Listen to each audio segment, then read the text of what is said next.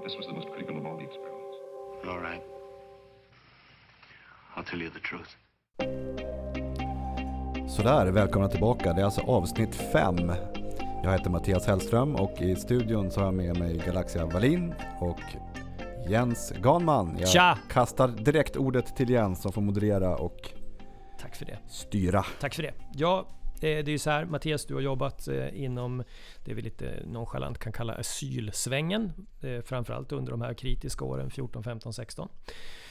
Och eh, inför den här podden så gav du mig en eh, lång lista med rubriker och underrubriker på ämnen vi skulle kunna prata om. Och jag har hittat några potentiellt rasistiska rubriker. Kör så ryker. Ja, den första, då står det så här. Araber tar tre timmar på sig. Eritreaner 10 minuter. Vad betyder det? Ja. Det var eh, så mycket tid jag avsatte för gruppmöten På boendena. på boendena. När det Som- skulle lösas problem eller? Ja, det, man kanske skulle informera om en stängning eller att det var en förändring eller någonting. Och då hade vi ju sammankallade eh, anläggningen och sen så stod jag och pratade och svarade på frågor och sådär. Nu klumpar vi araber i vanlig ordning. Eh, så. Men med eh, i den gruppen då skulle det förhandlas och diskuteras och det skulle dras in tidningar och det var inte si och så, vi har rättigheter. Och jag kommer framförallt ihåg när vi skulle stänga en anläggning. Och då, var, då kom kraven. Ja, då, jag tänker inte flytta härifrån om, vi inte har en, om jag inte får en lägenhet. Eller, varför ska du stänga anläggningen för? Vi, vi trivs här. Trots att rålack veckan innan på något och ville absolut flytta därifrån. Och det skulle diskuteras och det skulle förhandlas och det skulle vara så här. Ja, vi måste ha strejk och det ska tas in tidningar och journalister och hej och hå. Ja, så då körde man där i någon par timmar och så, så lugnade man ut och, och, och så var det klart. Det var en process man var tvungen att komma igenom. Ja, det var en process sådär. Inget konstigt. Jag har gjort det tusen gånger. Så att man tog tid och var lugn och förklara och så fluffade diskussionen lite lagom. Men så. eritreanerna, de accepterade på en gång. Ja, de var ganska kirurgiska. Det var liksom mer okej. Will there be bed? Yes. Will there be food? Yes. We get transport? Yes. Okej. Men det du beskriver nu är någon slags kulturskillnad och det är vi väldigt rädda för i Sverige. Galaxia, varför är vi så rädda för att... För vi har ju till och med ett begrepp i Sverige, kulturrasism. Att man inte får tycka att kulturer är olika fast de uppenbart är det. Varför är vi så rädda för detta? För att vi matade den här rädslan med eh, kanske mor, modersmjölk, tyvärr. Och från, och från media inte minst. Från media, de absolut. älskar ju det här. Mm. Så eh, det har blivit väldigt känsligt att prata om, eh, om kulturskillnaden mellan eh, människorna. Och vi ska inte vara främlingsfientliga. Och som jag Men det är ju inte vi- samma sak. Eh, som vi sa, absolut inte samma sak. Som vi sa tidigare att det, det här, de här begreppen missbrukades. Så vi vet inte riktigt nu när vi pratar om främlingsfientliga vad det betyder egentligen. Så är alla rädda att prata om, eh, om de här ämnena. Och det handlar återigen om yttrandefrihet. För att få, alla har åsikter, det är jag hundra säker på. Men inte alla uttrycka sina åsikter. Så vi har politiker, vi har media med på tåget som förstärker rädslan hos människorna. Att ni ska inte prata om det här annars ni är För rasister. det är något farligt. Det är något farligt. Ah. Eh, och det är motsatsen till ett demokratiskt land egentligen. Om man bor på ett demokratiskt land som värnar om yttrandefrihet, alla ska kunna uttrycka sig och diskutera. För att i, i Sverige har det hänt otroligt eh, stor grej när vi tog emot jättemånga invandrare På kort tid. på kort tid. Så absolut, vi måste diskutera problematiken och frågan eh, öppet och inte vara rädda. Att vara bara säga ja men vi öppnar dörren, alla välkomna och vi får inte öppna munnen. Och därför har vi lärt oss också att vi får bara prata om möjligheter med invandring. Vi får inte prata om att det skulle finnas några problem. Mm. Mm. Håller du med om det Mattias? Har vi blivit lite hjärntvättade när det gäller det här? Jag ser på Alltså, det ditt ansiktsuttryck redan vad du kommer svara. Jo, nej, men det, det, det som var skönt att arbeta i drift på det här sättet, det var att för mig var, var skillnaden i, i kultur eller skillnaden i hantering eller reaktion mer en planeringsfråga. Jag visste att det skulle ta längre tid med en grupp, därför åsidosatte jag mer tid. Och för mig var det liksom bara en, en Praktikalitet. praktikalitet. Och det, eh, Alltså jag skulle aldrig, jag skulle aldrig hålla på och, och tjata ihjäl en alban om att sluta röka på rummet. För han skita blanka fan i om, om vad jag säger i alla fall. Men av andra skäl. Okej. Liksom, det, det handlar om att ibland, vi är olika. Och ska vi gilla olika så måste vi acceptera att det är skillnader som man måste ta hänsyn till. Som inte är lika. Då Och kan a- vi inte utgå från oss, då måste man vara praktisk ibland. Och allt är inte utmaningar utan Men det finns problem. Ja, absolut. Kalla problem för vara- problem. Ja, exakt. Jag hittar fler Exakt. potentiellt rasistiska rubriker i dokumentet som jag sitter och läser ifrån. Eh, tror det här kan vara lite rasistiskt att prata om våldtäkter och arga medborgare. Antyder du att det fanns våldtäktsproblem på asylboendena? Ehm, ja, men det här var, jag tyckte det här var läskigt. Det var en uppmärksammad händelse i Strängnäs. Jag var bara där och hjälpte till eh, under en period. Och där var det en dubbelvåldtäkt. Eh, som jag inte har följt sen efter det faktiskt. Alltså Ehm, dubbelvåldtäkt betyder att det... Samma kvinna har våldtagen under samma natt. eh, Ja, den där gånger. grejen. Det var en stor mediagrej. Ja, jättestor mediagrej. Och Var det- det, det var i närheten av ett boende det här hände va? Ja, det var på riktigt. Jag kommer inte ihåg exakt var gräsmattan låg typ. Men det var mer eller mindre direkt närhet. Och det var en ganska stor grej och det slutade med att de hade ju eh, DNA-kopplat en boende till det här och så någon annan På ett asylboende alltså. på ett asylboende. Mm. Och eh, då blir det problem. Är inga- Lokalbefolkningen blev arga. Tyckte att det var... Att alla, Ja. alla invandrare våldtar då eller? Nej men det är klart att det fanns grupper som lackade ur ordentligt.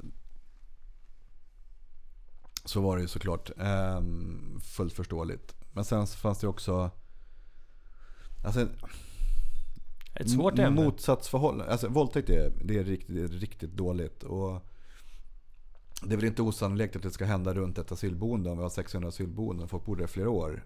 Liksom. Och många män. Många unga män. Ja, så att det i sig är väl inte så, så här superkonstigt. Mm. Det sker ju våldtäkter på massa andra ställen också. Men Jo men rent statistiskt så kanske det ökar om det är väldigt mycket unga män i ett område. Eftersom det oftast är män som våldtar. ja, jag är superdålig på, på statistik och siffror där. Men, men det uppstår två saker vid, vid eh, en händelse så här. Det är dels de som är för de andra. Vad menar du nu? De som måste manifestera Manifestera. Manifestera. Tack. Ehm, manifestera. Ehm, för de som inte våldtog. ja. Och då blir det en Men tala om skägget nu. Vad är det exakt du säger nu? Vilka är det som manifesterar, manifesterar för vilka? Vid, eh, nej men det, det, var, det var en manifestation då för att eh, överbygga eh, relationen med de andra. Det var inte alla som våldtog. Det var en massa andra asylsökande som bodde där och inte höll på med dumheter. Okej. Så, och det var en manifestation runt det. Blomnedläggning och sådär. Aha. Eh, sådär. Så att det, det yttrade sig på två sätt. Men sen är ju själva att det där skedde överhuvudtaget. Det var ju en, det var ett mörker på anläggningen också. Dels för att det faktiskt drabbar, eh, nu drabbar det ju en, en Strängnäsbo i det här fallet. Men sen också att de som bor på anläggningen blir direkt utmålade oaktat. Ergo den här eh, manifestationen då som, vi, vi måste bryta ner det här för lyssnarna. Det du säger nu, utan att säga rakt ut, att lokalbefolkningen kände att invandrare kunde få, som grupp, dåligt rykte på grund av det här. Så att då, då Ja, men, ja, demonstrerade men det, var, det fanns ett stöd för dem som inte våldtog. Alltså de, de, Vart det någon demonstration för den våldtagna kvinnan? Ehm, jag kommer faktiskt inte ihåg. Jag Min gissning är nej. borde ha läst på det här. Men det var aktiviteter till försvar för henne. Men jag kommer inte ihåg om det var en manifestation. Men vi hade ju rörelse runt anläggningen. Eh, så. Men sen, det, det är oftare så att om det sker någonting dåligt, om det är ett våldsbrott. ehm, så är det de som står upp för eh, den som har blivit utsatt. Är ju ofta, eh, rätt om jag har fel, högerfalanger. Som det har blivit i Sverige nu. Ja, Jag vet inte om de står, står upp för det. Nej, men de men- låter mest i alla fall. Ja, alltså Galaxia, jag frågar dig. Jag vet, eh, jag Jag vet inte... vad jag landade i det här. Nej, men om jag var frågar dig då Galaxia. Jag uppfattar dig kanske inte som jättevänster. i en svensk kontext eller du kanske är lite mer liberal, konservativ eller något sånt. Och jag själv har ju en vänsterbakgrund. Men jag måste säga att jag numera är, när det gäller det här helt förvirrad vad som är vänster och, och höger i Sverige. Inte minst efter den senaste regeringsbildningen. Då är det ingen som vet vad som gäller. Men känner jag, Galaxia, det jag ska försöka fråga dig är, du märker att jag är lite cynisk det här med att när jag säger att ingen demonstrerade eller var inget fackeltåg för den här våldtagna kvinnan i Strängnäs. Utan däremot finns det gott om människor som vill då försvara andra invandrare så de inte åker med på samma anklagelser om att alla är våldtäktsmän.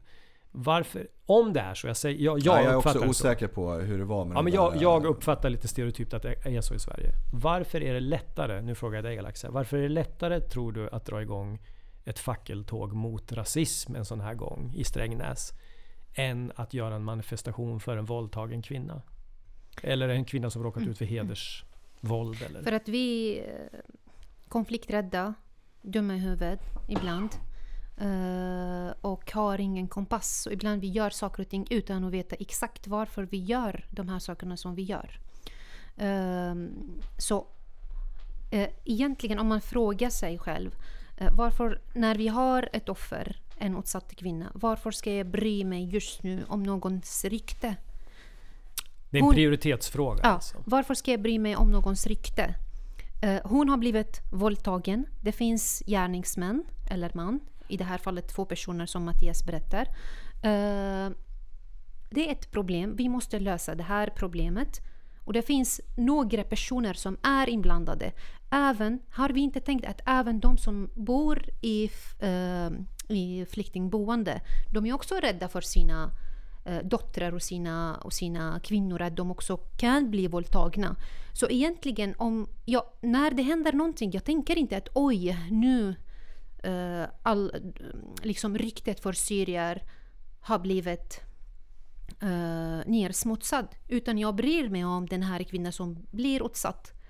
Jag tror att de som blir rädda för sina rykte bara de som insyltade eller inblandade på något sätt. Det är därför de blir väldigt oroliga. Du menar om man har ett rent samvete då behöver Ja. man inte bry sig Nej, om vad folk nej. tycker? Ja, det, så kan det ju vara. Men det är ju ett faktum också att många, många bara väntar på att en invandrare ska göra bort sig på något sätt Mm. så att man kan få hoppa på alla invandrare. Så är det ju. Det finns ju Jo, det människor. finns de, men eh, tyvärr som, som är på riktigt främlingsfientliga. Har du fått lida för att du har invandrarbakgrund på grund av att andra gör saker som är från andra länder eller Syrien? Tycker du att du har fått lida för det? I något sammanhang? Jo, alltså lite grann. Och jag kan också säga att jag själv bemött riktigt rasism. Men eh, jag är inte dum i huvudet att eh, bara säga att hela Sve- eh, Sverige är rasister. Jag vet vilka är rasister och vilka är inte. Eh, så i det här sammanhanget tycker jag att det är väldigt konstigt att man manifesterar för att skydda ryktet för syrier istället att man manifesterar mot våldet, mot våldtäkten eller för att stötta den här kvinnan som blev våldtagen. Ehm, så det är därför jag sa att vi, ibland vi har ingen kompass och vi vet inte riktigt varför vi gör det som vi gör.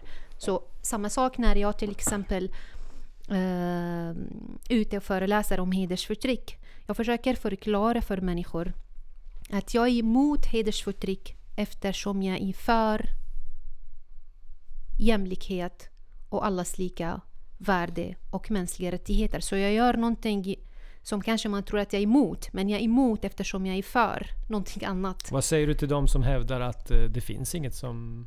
Det finns ju fortfarande de som säger att nej, men det hedersförtryck finns inte för alla. Det är ett mansproblem och Mm. alla män är likadana. Är det så?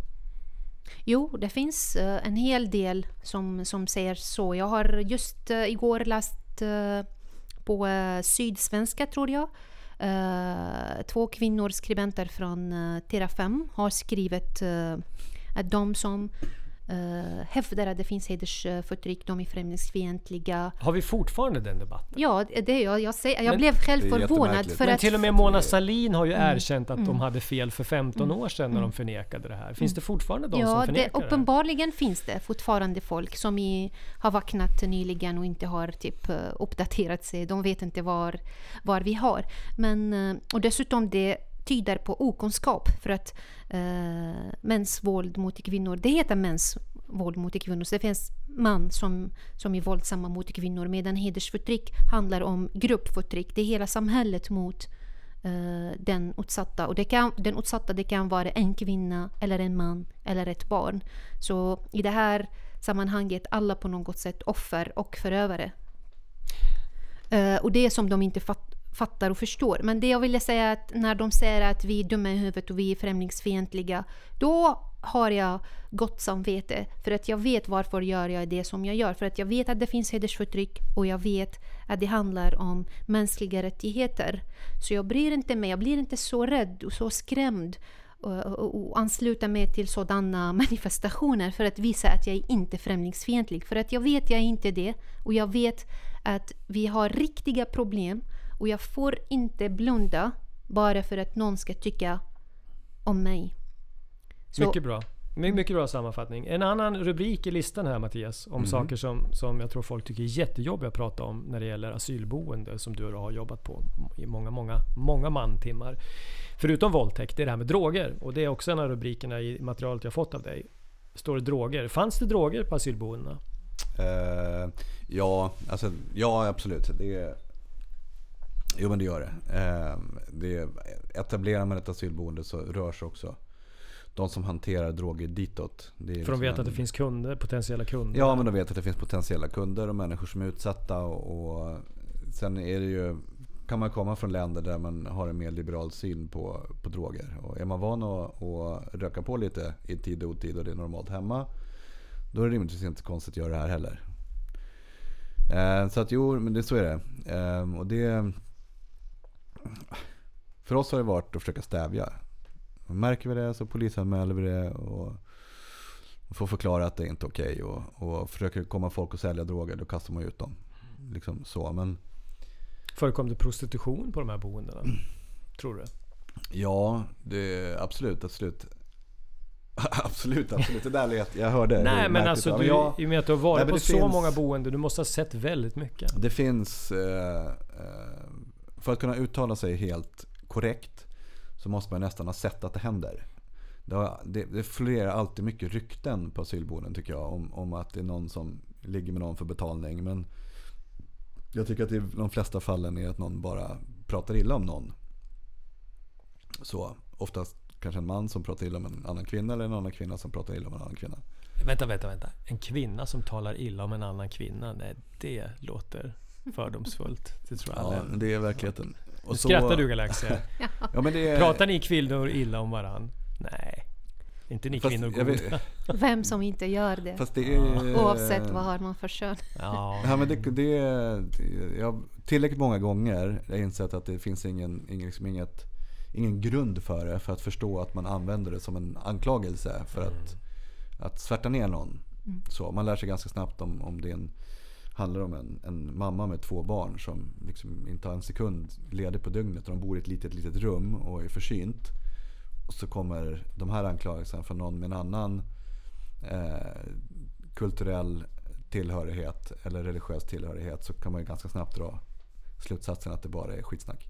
Och det var säkert mycket sån positionering på de här boendena. Ja men det blir en positionering därför att alla vill vara starkast såklart. Det kommer efter efter en liten stund.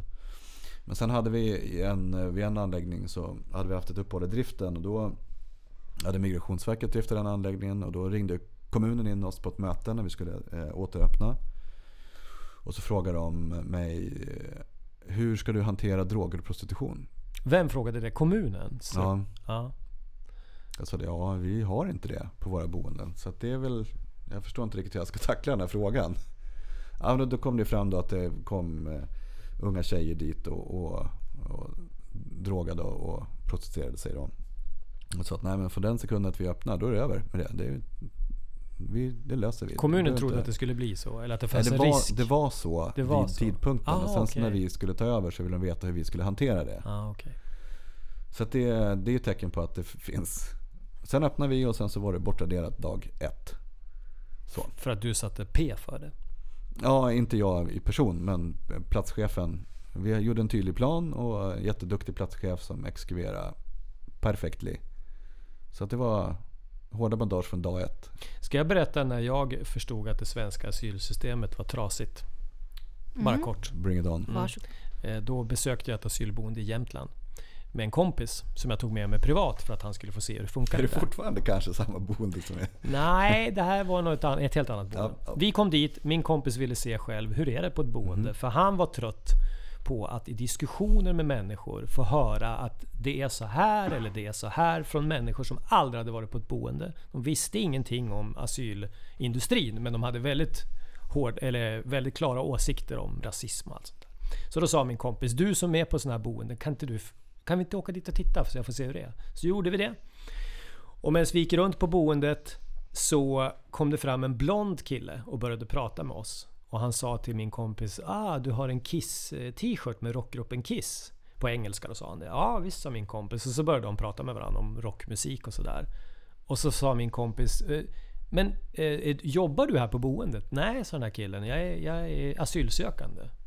Och han såg väldigt så här europeisk och blond ut. Så min kompis tittade på mig och bara Va? Liksom, nej men så jag fråga honom. Fråga för att höra hans story. Och då visade det sig att den här killen, han heter Phil. Han var från Tjeckien. Och min kompis var så här, är du från Tjeckien? Är det krig i Tjeckien? Nej, nej, nej, sa den här killen. Men jag hade problem med polisen i Tjeckien, så jag flydde till Tyskland. Jaha, ja, hur, eh, och sen hur hamnade du i Sverige då? Nej men jag var i Tyskland i sex år. Och sen eh, vart jag less på Tyskland. För det var så dåligt väder. Det var så mycket... Too rainy sa han. Det är för mycket regn i Tyskland. Så då sökte jag asyl i Sverige. Jaha, sa min kompis och hans ögon var så här stora. Bara, Va? Hur? Men hur hamnade du här uppe i Jämtland? Ja, men jag sökte asyl och kom till Trelleborg då förmodligen. Tror jag det var. Eller Helsingborg. Och blev, sa så här när han kom dit. Jag, vill, jag söker asyl i Sverige.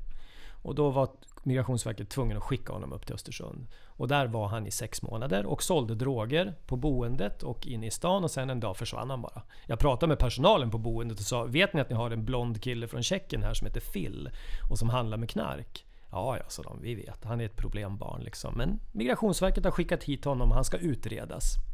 Ja, alltså har Migrationsverket sagt att någon ska bo på ett boende så gör de det vare sig vi vill eller inte. Ja, men det här är anekdotisk bevisföring, jag vet. Men jag har personligen träffat många, många personer runt om på olika asylboenden där det är alldeles uppenbart, efter att ha pratat med dem en stund, att de inte är flyktingar. De tar upp plats för en kvinna eller ett barn från ett krigsdrabbat land som borde vara i Sverige istället för den här personen. Jag har sett det många gånger och när jag berättar det för folk, och det här har också hänt många gånger, då får jag höra Jaha, men eh, det där låter som någon slags eh, SD-argumentation och det där låter konstigt och vad då? Skulle, menar du att alla som kommer hit är fuskar och bara? Nej, men många gör det och jag har sett det själv, eller många relativt, men jag har sett ganska många fall där folk har fuskat. Och sånt här, om den här Phil till exempel, det är någonting som svensken inte vill höra för då blir det Fast komplicerat. Det, är ju så. det här är ju verkligheten på vår, alla våra anläggningar. Jag antar att du också dag, har sett liksom. sånt här, eller? Ja, absolut. Men vad ska vi göra? Nej, ni kan inte göra någonting. Alltså för det första så har man ju, eh, ni har säkert koll på Dublinförordningen. Ja, Ja, så som den funkade förut innan Sverige pajade den. Dublinförordningen för er som inte vet är då en uppgörelse om att man ska söka asyl, att man ska söka asyl i det första landet man kommer till och lämna fingeravtryck och skrivs in och sådär. Så var det ju inte under de här eh, den stora krisåren utan då sidosattes ju Dublinförordningen helt. Främst av Sverige. Främst av Sverige och det gjorde också eh, det är många som berättar varför de kommer hit och då berättar de också att till exempel dubbelförordningen är sidsatt. så att man vet att det är lättare. Ehm, jag tror att någonstans så måste man också förstå att är du i kris så lär du dig allting om hur du ska ta dig dit du ska. På vilket sätt, hur du ska argumentera, vilka vägar du ska ta och hur du ska agera när du kommer fram. Och alla vet det. Ja, de, man pratar med varandra. Det här är allmängods. Hur Sverige fungerar och hur vi bedömer och vilka luckor som finns här. Vilka knappar man ska trycka på. Det står i manualen. Det finns Facebookgrupper där Alltså du kan är få information. hemligt. Det, det, det är en 1, 2, 3, 4, 5 punktslista. Hur du rundar alla system. Hur du rundar lagar och regler. Och liksom forcerar in i Sverige. Och det, det är så. Otvetydigt. Hela den här den här podden som vi gör nu, jag tror inte att vi har sagt det tidigare. Men den grundar sig bara på egna erfarenheter. Saker som har hänt. Galaxia berättar om saker hon upplevt som hänt. Jag berättar om saker som jag har upplevt och som faktiskt har hänt. Yes. Och Det, det är förstahandsinformation. det är förstahandsinformation. Det, man kan inte tvista om det här. Nej. Det är som det är. Det här är en beskrivande podd. Och det, jag tror att det här... Jag tror att man inte vill ta in det här riktigt. Sitter man hemma i stugan och det är varmt och gött och man har barn och jobb och, och sådär. Att hålla på att gräva ner sig i allt det här. Det är övermäktigt för mannen på gatan. Mm. Och det föder också ett dåligt samvete. Tror du inte det Galaxia, att vi, vi som bor i Sverige inte vill höra om det här för att det är så jävla jobbigt och det tvingar oss att tänka efter på ett sätt som kanske startar en process som är jättejobbig. Ja, men ibland man ska ha huvudvärk om det finns eh, orsak för det här. Så att vi bara blundar och spelar döva bara för att det är jobbet, det är ingen ursäkt faktiskt. Men du vet, du sa en jättehemsk sak innan vi började banda just det här avsnittet. Du sa att du känner, du är inte riktigt nöjd med att ha hamnat i Sverige. Du känner att du inte kan vara dig själv här. Mm. Varför är det så? Ja, för att, eh, för att helt enkelt jag kan inte vara eller jag får inte vara den, den jag är. Jag får hela tiden kritik, motståndare som mo- motarbetar det jag gör. För att du pratar om För hedersförtryck att jag pratar saker. om, egentligen om vi pratar om hedersförtryck, jag pratar om mänskliga rättigheter. Och yttrandefrihet. Och yttrandefrihet, de viktigaste saker för mig. Jag, fly, jag flyttade till, från Syrien till Sverige. Syrien var ett, ett land där eh, människor ha, har inte så mycket värde. Eh, där yttrandefrihet betyder ingenting. Så jag fick nog. Jag, jag, jag, jag hade riktiga problem med regimen där. Och när jag väl har hamnat i Sverige som bör skydda mänskliga rättigheter och yttrandefrihet och jag upplever att Sverige gör inte det, blir jag otroligt besviken. På vilket jag sätt får, gör vi inte får det? Ja, men för att vi... Titta runt omkring dig. Alla är rädda att uttrycka sig. Jag eh, fick en eh, tips till exempel från en väninna som ringde, eh, ringde mig i morse. Eh, och hon ville träffa mig idag. Så jag sa till henne, jag kan tyvärr inte. eh, för att jag ska träffa eh, Jens och Mattias och pratade om podden och vem är de här personerna. Och så jag, sa, jag berättade lite kort och jag känner, jag känner inte er sen tidigare. Jag vet inte så mycket om er och era erfarenheter. Eh, och sen hon sa oj då, men kanske de är lite... Ja, de kanske påverkar ditt rykte nu du liksom... Och sen jag sa Oh okej, God. ja, ja men det är mycket spännande att jag träffar personer som jag, jag har inte pratat med innan. För att jag vill jättegärna uh, utmana mina tankar. Och det ska bli så roligt om jag träffar två personer som inte håller med mig. Då har vi en riktig diskussion. Eh, men folk är rädda även att träffa en person som kanske har andra åsikter Om ett jobbigt ämne dessutom. om ett jobbigt ämne. Ja. Så man tänker, ja men låt det bli. Håll det i, ditt, liksom, i det du gör. Du behöver inte prata med andra. Kanske det påverkar det negativt.